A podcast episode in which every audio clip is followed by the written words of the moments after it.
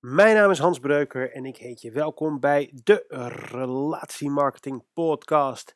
En vandaag ga ik het met je hebben over relatiemarketing in de horeca.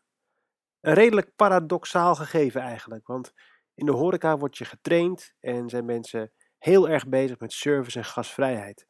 En toch is het heel gek, want um, het blijft, marketing blijft een van de meest ouderwetse en ongewaardeerde onderdelen van een hotel, een restaurant of een café. Ook niet zo heel erg gek als je bedenkt dat de horeca-ondernemer misschien wel een van de meest uitdagende vakken is. En toch blijft het een vreemde, vreemde gewaarwording dat de, de totale out-of-home market in 2017 19 miljard euro omzet maakte. Terwijl marketing hierin nauwelijks een rol speelt. En dat is een gemiste kans. Elke dag verlies je mijn inziens omzet omdat je niet bezig bent met je huidige klanten en top of mind te blijven. Waarom blijft deze sector dan zo achter in de marketing? Het is op zich geen gekke vraag, omdat iedere horeca-ondernemer wordt, ondernemer wordt getraind op een geweldige customer experience. Maar marketing blijft een ondergeschikt kind. De huidige horeca-marketing tactieken bestaan meestal uit een bord buiten, of een foto of een advertentie in een lokale krantje. Instagram doen mensen ook wel, maar als je goed kijkt naar de meeste Instagram-posts, zijn ze of heel oud of gebruiken mensen alleen maar de, de snaps, zeg maar de, de filmpjes, de korte filmpjes, de stories. Um, of Facebook. En dat, daar zijn de mensen wel heel erg uh, redelijk actief mee bezig. Maar dat is zo zonde, want er is zoveel meer te halen. Met name bij gasten die je al in je ruimte ontvangt. Nou weet ik dat horeca-ondernemers weinig tijd hebben. Ik heb zelf, van, ik denk vanaf mijn vijftiende of zestiende uh, tot zeker ver in mijn einde van mijn studententijd in de horeca gewerkt. En van 2010 tot 2016 leverde ik met mijn vorige bedrijf Schoonspoelen Nederland aan de horeca. Dus ik ben geen expert, ik heb geen horecazaak gehad, maar ik ben zeker geen onbekende in de horeca. En ik kan ook best wel vertellen dat er flink wat geld is geïnvesteerd in de horeca vanuit mijn kant van achter de bar. Of voor de bar, hoe je het bekijkt. Tijdens mijn tijd eh, als uh, mede-eigenaar bij Schootspoelen sprak ik heel veel met de horecaondernemers. We leverden immers toiletverfrissing, handdoekjes, wc-papier, et cetera. En tijdens die gesprekken heb je een beetje ondernemers onder elkaar. Dat is ook leuk, want vaak zijn die horecaondernemers, um, ik zal niet zeggen eenzaam, maar ze zijn wel vaak gewoon alleen in hun zaak. Of ze hebben uh, gewoon veel personeel, maar dan runnen ze toch die tent. En dan kom je nou ja, vaak gewoon tot leuke gesprekken. Weet je, ik had een eigen bedrijf met uh, personeel, zij hadden een eigen bedrijf. Dus dan bespreek je een beetje de rijlen en zijden van die bedrijven. En um, ik hoorde bij hun nog veel meer uitdagingen dan ik zelf al ondervond.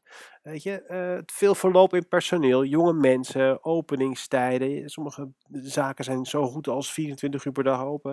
Je hebt vergunningen, keukenmedewerkers en dan natuurlijk ook nog eens een keertje de apparatuur de vaatwasser, de airco, dingen in de keuken, alles gaat om de haverklapstuk, de toiletten. Als horeca-ondernemer ben je eigenlijk altijd brandjes aan het blussen en tijd voor marketing is er dus vaak gewoon niet. Laat staan om een goede strategie uit te bedenken. Dus waar ligt de groei? Nou, de meeste ondernemers, niet eens alleen in de horeca, denken vaak bij groei nieuwe klanten. Ik moet nieuwe klanten binnenhalen. Meer mensen. En dat is niet de beste groep. Het is namelijk vele malen makkelijker om bestaande klanten, bestaande gasten vaker terug te laten keren dan nieuwe gasten te werven. Sterker nog, het kost zeven keer meer geld om een nieuwe gast binnen te krijgen, om een nieuwe klant binnen te halen. En die nieuwe klant geeft ook nog eens een keer minder uit.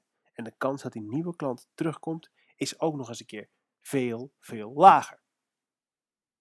Bovendien kan je een bestaande gast ook eerder motiveren om op andere dagen te komen. Traditioneel slechte dagen, zoals bijvoorbeeld de maandag of dinsdag. Maar een tevreden gast waar je een band mee hebt, zou bijvoorbeeld ook andere diensten bij jou kunnen afnemen. En dan denk je als horeca-ondernemer andere diensten. Nou, ik denk bijvoorbeeld aan Uber Eats of Deliveroo. Deliveroo, of hoe je het moet zeggen. Want die gasten, die zijn tevreden en die willen misschien thuis ook wel eens jouw club sandwich eten. Of ook wel eens je kipsaté. Of een andere upsell, crosssell of deepsell mogelijkheid die je hebt, is wanneer je een emotionele band hebt met jouw gast is dat ze bij jou een verjaardag komen vieren. Of jouw tent aanbevelen bij vrienden om je verjaardag te vieren. Nou, hoe ga je dat dan doen? Wat is dan die relatiemarketing in de horeca? In mijn beleving. Nou, je gast heeft een te gekke avond gehad. Maar daarna ben je hem kwijt. Hij loopt de deur uit. Top gegeten hoor, dankjewel. Doei. Doei. En hij is de deur uit. Poef. Verdwenen. En dat is zonde. Want je hebt geen enkele manier meer om hem daarna een incentive te geven om terug te komen. En niet zozeer een incentive in korting, maar gewoon een manier waarop je hem of haar kunt triggeren om terug te komen bij jou. Om nog een keer te komen. Maar dat is wel de start. Je moet die klant bij je houden.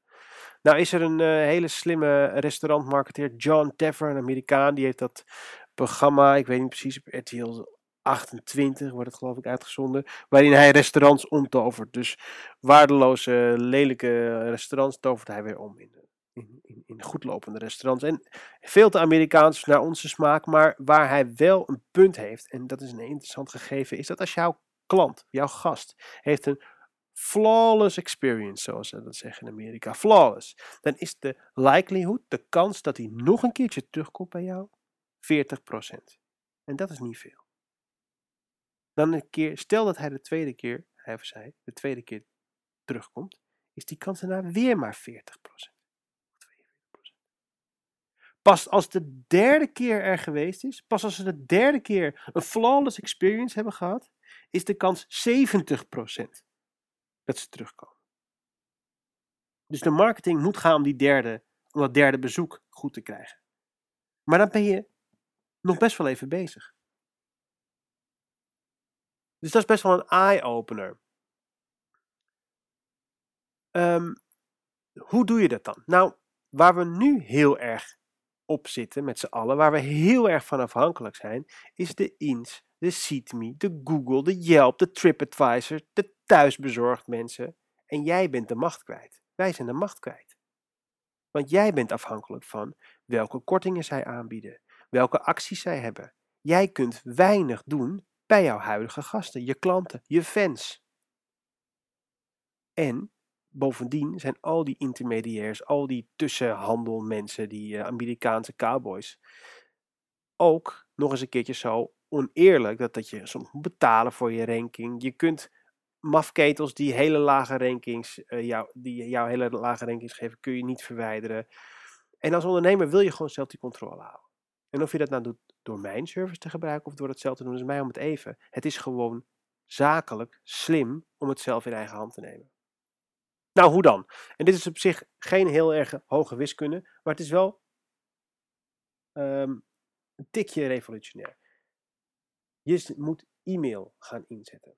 En dan denk je, huh, e-mail? Ik wil liever social media inzetten. Ja, maar zodra jij je, al jouw content op social media zet, ben je ten eerste kwijt. Er is geen archief wat je zomaar eventjes kan, kan terugplukken als ze een keertje jou wegzetten. Ten tweede, ze willen gaan zorgen dat vrienden en familie en kennissen meer bovenaan staan, want de, de, de Facebook mensen van deze wereld, die willen dat de bezoekers van Facebook vaker terugkomen, zodat ze weer meer advertenties kunnen verkopen. En die advertenties worden steeds duurder en duurder en duurder. Dus sowieso heb je al, is, is um, um, hoe noem je dat ook alweer? Gewone bereik, natuurlijk bereik is dood.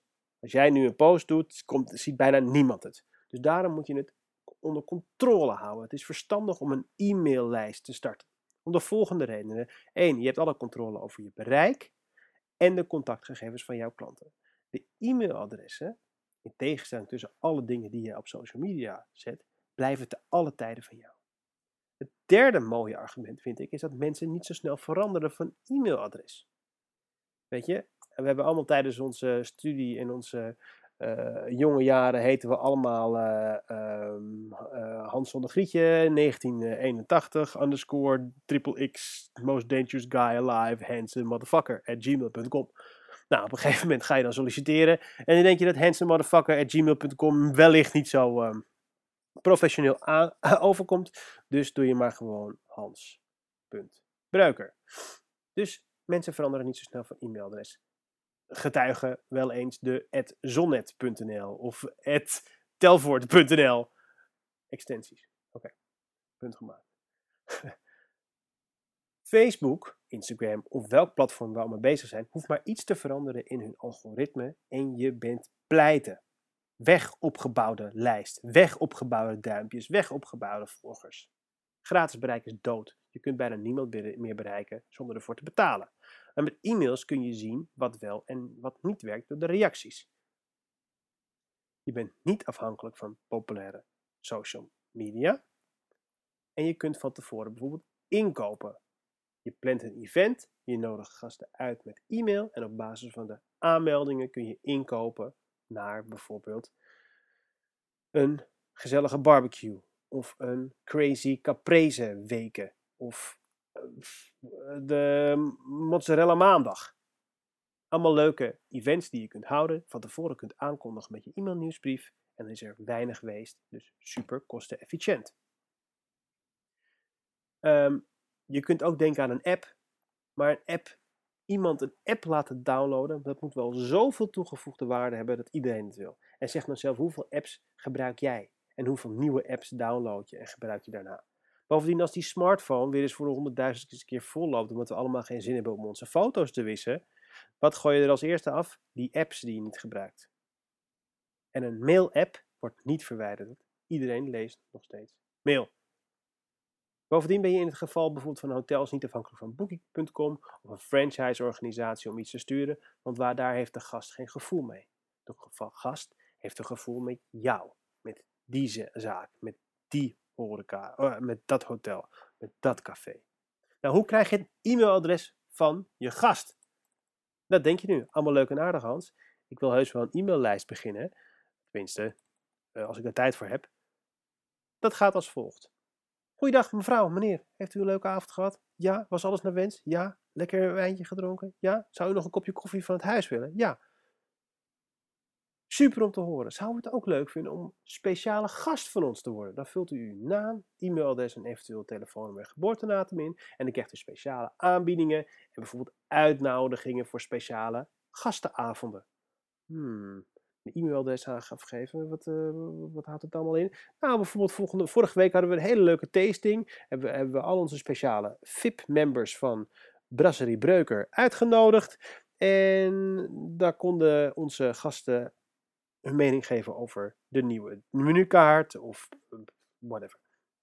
Oh, nou, dat vind ik wel wat. Laat het me maar doen. Leuk, leuk. Je geeft die mensen een fysiek kaartje. Niet een visitekaartje, maar een kaartje waarin ze met blokletters hun naam invullen, vullen, hun e-mailadres en eventueel geboortedatum en telefoonnummer.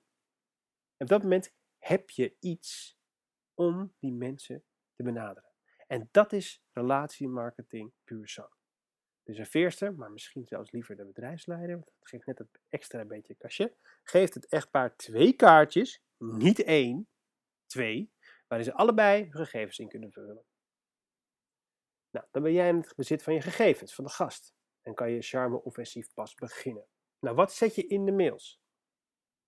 Hoe ik het doe met onze, met onze dienstverlening, maar dat mag je uiteraard zelf weten, is dat je binnen een dag of binnen twee dagen ontvangt het echtpaar welkom bij Brasserie Breuker.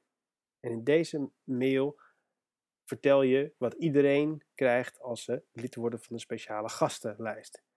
Uh, je vertelt het over het restaurant, over de keuken, over wat achterliggende dingen. op die manier creëer je emotionele binding. Want dat wil je. Je wil die emotionele band met je gast. En daarna doe je vooral aankondigingen van komende events, leuke inside stories van het restaurant, Wist u bijvoorbeeld, bijvoorbeeld, bijvoorbeeld wist u dat er vroeger op dit, op dat, deze locatie zat? Onze mozzarella komt vanuit een heel klein pittoresk dorpje in Italië waar moeder Teresa nog gewoond heeft. En daar stampen ze nog de mozzarella aan met hun voeten die ze eerst wassen in de witte wijn. Weet ik veel. Leuke dingen. Interview met de kok en ga zo maar door. Dan heb je controle over je eigen markt en, het allerbelangrijkste, over je eigen omzet. Geef je dan ook korting in die e-mail, nieuwsbrief? Nee. Mensen wennen aan korting. Een speciaal aanbiedingsmenu kan altijd. Valentijnsmenu, kerstmenu, maar het hoeft niet per se goedkoper te zijn. Persoonlijk, ik, Hans Breuker, het zit er helemaal niet te wachten om ergens goedkoop te eten. En een heleboel andere mensen misschien wel, maar dat zijn niet de mensen waarmee je een loyale relatie aangaat. Een gast kan wennen aan korting en dan komt hij gewoon niet meer terug. Terwijl als ik als, als, als, als vaste klant er ben en ik ga daarna minder betalen voor iets waar ik normaal al de normale prijs voor betaal, dan voel ik me toch een beetje besodemieterd. Dus het hoeft helemaal niet. Mensen gaan je product als minder waardig eh, ervaren. De bestaande klanten vinden waarschijnlijk je producten al goed en willen er al een normale prijs voor betalen. Maar wat dan wel? Een tweede gerecht voor de helft van de prijs bij vier gerechten bijvoorbeeld. Zo trigger je mensen om vrienden uit te nodigen. Of een gratis cocktail bij de chicken wraps. Leuke incentives die je onderbewustzijn triggeren om daarvoor te kiezen. Of bestel een voorgerecht en je krijgt het dessert voor de helft van de prijs. Of het dessert gratis. Dat soort dingen. Op die manier stimuleer je je gasten andere gerechten te kiezen en wordt het ook gewoon leuk. Wordt het fun om bij jou te komen eten. Dat doen we de Mexicaanse maand. De maand maart is Mexico maand. En iedereen die binnenkomt krijgt een tequila margarita. Leuke dingen. En dat, natuurlijk kost het wel een beetje geld, maar dat zijn incentives om mensen binnen te laten komen. Waar ik wel een voorstander ben voor korting, zijn de, tussen haakjes, verbruiksgoederen. Dus als jij een, een, uh, een koffiecorner hebt, of jij hebt een, een plek waar iedere ochtend mensen koffie kunnen halen, dan kun je wel korting aanbieden. Want koffie is een, is een gebruiksartikel. Tuurlijk, iedereen vindt dat ze de lekkerste koffie hebben. Of het nou Lavazza is of Illy. Iedereen vindt dat ze de lekkerste koffie hebben. Maar ik, als ik weet dat daar een kwartje goedkoper is, ehm, of ik spaar een spaarkaart en krijg uh, mijn elfde kopje koffie gratis, zoals Starbucks heel lang gedaan heeft, dan wil ik misschien wel die 100 meter omlopen. Dus dan zou het wel eventueel interessant zijn. Maar voor het grote plaatje, korting, nee, incentives, ja. Een ander fenomeen wat we in Nederland niet goed kennen is de definitie bounce back. Dat is dus letterlijk het proberen terug te laten stuiteren van gasten die voor de eerste, eerste keer komen. Bijvoorbeeld, kom de, de volgende keer terug en uh, het, uh, het, het, het dessert is gratis. Dat soort dingen. Bedenk namelijk dat mensen vaak op het allerlaatste moment uit eten gaan. En dan kan een dergelijke deal, die ze in hun e-mail hebben staan, je gast net dat duwtje geven in de rug wat ze nodig hebben. Want heel vaak denk je, oh, zullen we daar gaan, zullen we daar gaan? Oh, het is nog een beetje rustig, laten we, laten we lopen naar de volgende zaak. We kennen het allemaal. Maar tenzij daar iets tegenover staat, dan ga je daar wel zitten. En een vol restaurant nodig je nodigt uit. Um, persoonlijk contact is natuurlijk het allerbelangrijkste. En, en, en, daar zijn, en, daar is het in de horeca natuurlijk hard. Daar zijn de meeste horecagelegenheden gewoon hartstikke goed in. Wellicht niet de rambam toeristenzaken midden in het centrum. Maar uh, over het algemeen is persoonlijk contact natuurlijk super.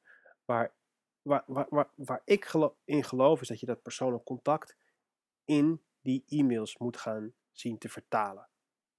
Daar kan ik je bij helpen, maar daar is deze podcast niet voor. Dat kun je altijd terugvinden op www.relatiemarketeers.nl. Dit zijn de tips die ik voor je heb. Zorg dat je je informatie krijgt van je gast. Zorg dat je ze blijft benaderen. Dat je top of mind blijft. En dat je een emotionele band met je gast aangaat. Tot zover Relatiemarketeers um, podcast. De Relatiemarketing podcast met Hans Breuker. Bedankt voor het luisteren. Hopelijk tot de volgende keer.